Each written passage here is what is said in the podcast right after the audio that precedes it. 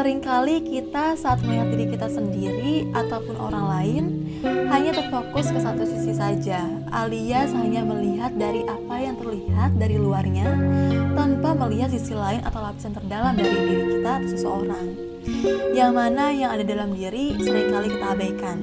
Kita marah, sedih, kecewa, sakit hati, dan hal-hal lainnya masih sering kita abaikan. Assalamualaikum teman-teman semua. Selamat datang di Dua Sisi Podcast Bersama saya, Rosa, your second set friend. Di podcast pertamaku ini Aku mau mengangkat topik tentang memendam emosi nih. Kenapa sih aku mengangkat topik ini? Karena yang aku tahu Orang-orang saat ini tuh masih sedikit banget yang mengetahui Tentang bahayanya jika kita terus-terusan memendam emosi. Orang-orang tuh beragam karakternya teman-teman ada yang lebih suka mengungkapkan perasaannya secara langsung, dan ada juga yang lebih memilih untuk memendam semuanya sendirian. Nah, untuk sebagian orang atau yang kesulitan untuk mengungkapkan emosinya, mungkin sudah terbiasa melakukan hal ini. Tapi terbiasa menyimpan semuanya sendiri dan gak membagikannya ke orang lain, itu membuat beban pikiran dan mental kita menjadi bertambah, teman-teman dan juga kecenderungan menyembunyikan pikiran dan perasaan kita agar nggak diketahui oleh orang lain, mungkin itu malah dapat membuat lebih banyak lagi masalah yang timbul di dalam diri kita sendiri. Nah, tentu nih, bahaya memendam emosi itu udah banyak banget dijelasin oleh para ahli, teman-teman. Salah satunya dari spesialis psikiater Dr. Eli Ingkriawang juga mengatakan kalau kita terlalu sering memendam perasaan, itu merupakan salah satu faktor yang berperan terhadap timbulnya psikosomatik. Nah, mungkin untuk teman-teman yang belum mengetahui apa itu psikosomatik, aku mau jelasin dulu sedikit tentang psikosomatik ini. Yang ini aku baca dari salah satu jurnal tentang psikosomatik dari UIN. Nah, psikosomatik merupakan suatu keluhan fisik yang timbul atau dipengaruhi oleh pikiran dan emosi kita bukannya oleh alasan fisik yang jelas ya teman-teman. Yang seperti luka atau infeksi tapi sakit yang ditimbulkan dari pikiran kita yang bisa mempengaruhi tubuh kita. Nah kalau teman-teman mau tahu apa aja sih yang ditimbulkan dari psikosomatik ini yaitu bisa muncul keluhan sakit kepala mudah lelah nyeri otot sakit lambung dan yang lebih bahayanya lagi nih teman-teman. Jantung kita bisa berdebar lebih kencang Nah, kalau sudah seperti ini kan udah bahaya banget kan teman-teman. Kalau teman-teman mau tahu lagi penjelasan yang lebih jelasnya, aku mau sharing tentang pengalaman aku pribadi ini. Dulu, sebelum aku mengetahui tentang kesehatan mental, aku juga termasuk ke dalam orang-orang yang lebih suka memendam emosi sendirian. Ketika aku punya masalah, apa pun itu, dan emosi-emosi yang aku rasakan, seperti marah, sedih, kecewa, sakit hati yang seperti itu menurut aku adalah masalah pribadi yang membuat aku jadi memutuskan untuk enggan bercerita ke orang lain. Di pikiran aku tuh kayak itu kan masalah aku, gak perlu lah orang lain tahu. Dan itu aku alamin dan aku rasain selama bertahun-tahun nih teman-teman. Sampai-sampai aku menyadari satu hal ketika aku ada masalah baru yang muncul nih, aku kayak ngerasa kok berat banget ya rasanya. Kok capek banget ya? Kok aku cepet banget ya ngerasa sedihnya? Ya padahal hal yang aku rasain itu tuh hanya masalah kecil teman-teman. Jadi aku ngerasanya kayak berat banget. Nah itu ternyata karena aku keseringan menumpuk-numpuk emosi di dalam diri aku sendiri. Dan ketika ada masalah baru yang datang aku jadi ngerasa energi aku tuh yang keluar banyak banget rasanya. Dan bukan cuma itu aja teman-teman Gejala-gejala psikosomatik juga pernah aku alamin, yaitu mulai dari aku sering ngerasa sakit kepala, gampang capek, nyeri otot, sakit di tengkuk, kadang nafas juga suka nggak normal. Nah, karena waktu itu aku alamin hal itu cukup lama, akhirnya aku pergilah ke dokter umum karena aku sebelumnya belum tahu kalau itu termasuk ke dalam kesehatan mental ternyata. Setelah diperiksa, dokter bilang ke aku, kamu nggak sakit fisik secara langsung, tapi kamu sedang stres, banyak pikiran katanya. Katanya coba kalau kamu lagi makan atau mau tidur, itu emosinya atau pikiran-pikiran yang mengganggu tuh dikeluarin dulu. Jangan ditumpuk-tumpuk sendiri. Itu kata dokter aku waktu itu. Dari situ yang membuat aku jadi ngeklik diri aku dan membuat aku sadar, oh berarti yang kemarin itu sikap aku salah ya untuk memendam emosi sendirian. Nah, dari sana aku membiasakan diri untuk menjadi terbuka ke orang-orang yang aku kenal.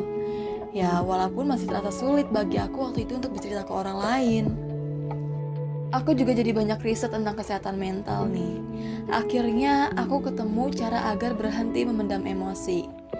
Nah, aku di sini juga mau sharing hal ini ke teman-teman yang mungkin aja al alamin hal yang sama kayak aku. Yang pertama, yaitu teman-teman harus bisa belajar jujur terhadap diri sendiri. Hal ini maksudnya itu agar kita tidak mengelak, apalagi enggak mengakui perasaan yang sedang kita rasain nih teman-teman. Kalau kamu lagi sedih misalkan, Hal itu harus kita akuin kalau kita lagi sedih. Jangan kita bersikap seperti ah enggak kok aku nggak sedih, aku masih tetap happy. Pokoknya teman-teman harus bisa belajar jujur terhadap diri sendiri. Yang kedua, yaitu biasakan membicarakan apa yang kita rasain ke orang lain.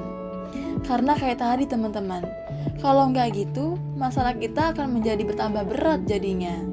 Kalau kita bercerita dengan teman-teman kita atau keluarga, beban masalah yang teman-teman rasa ini bisa terasa enteng jadinya.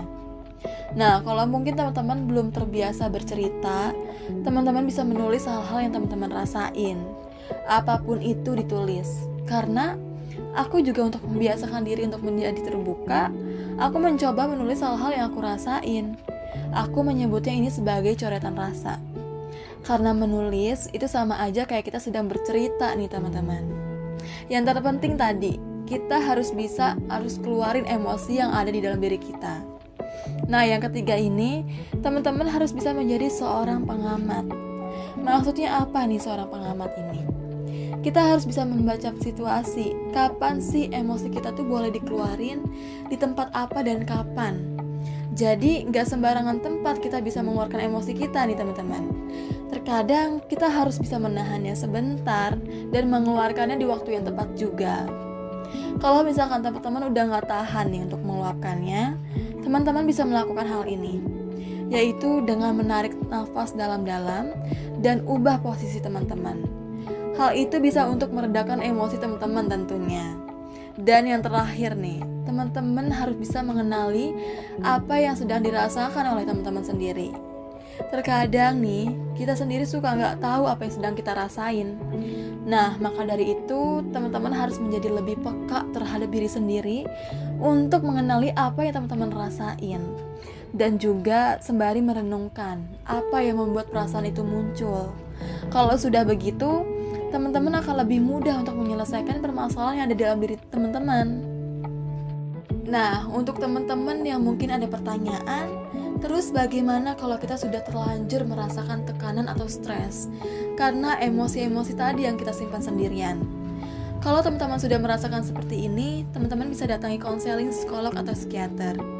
Tetapi selain itu juga teman-teman bisa diiringi untuk melakukan penenangan diri. Nah, ini misalnya tuh kayak gimana sih?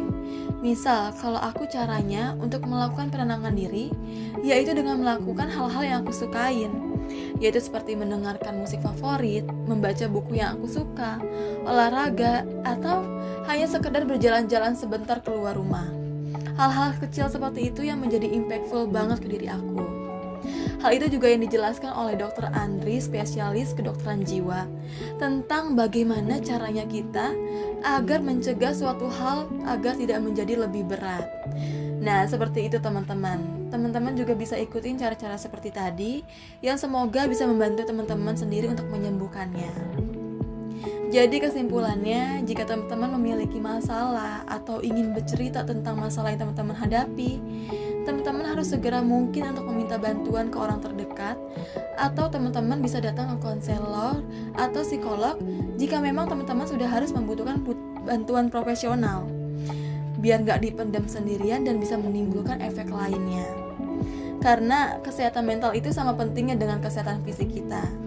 Terima kasih banyak untuk teman-teman yang sudah mendengarkan dua sisi podcast bersama aku Rosa.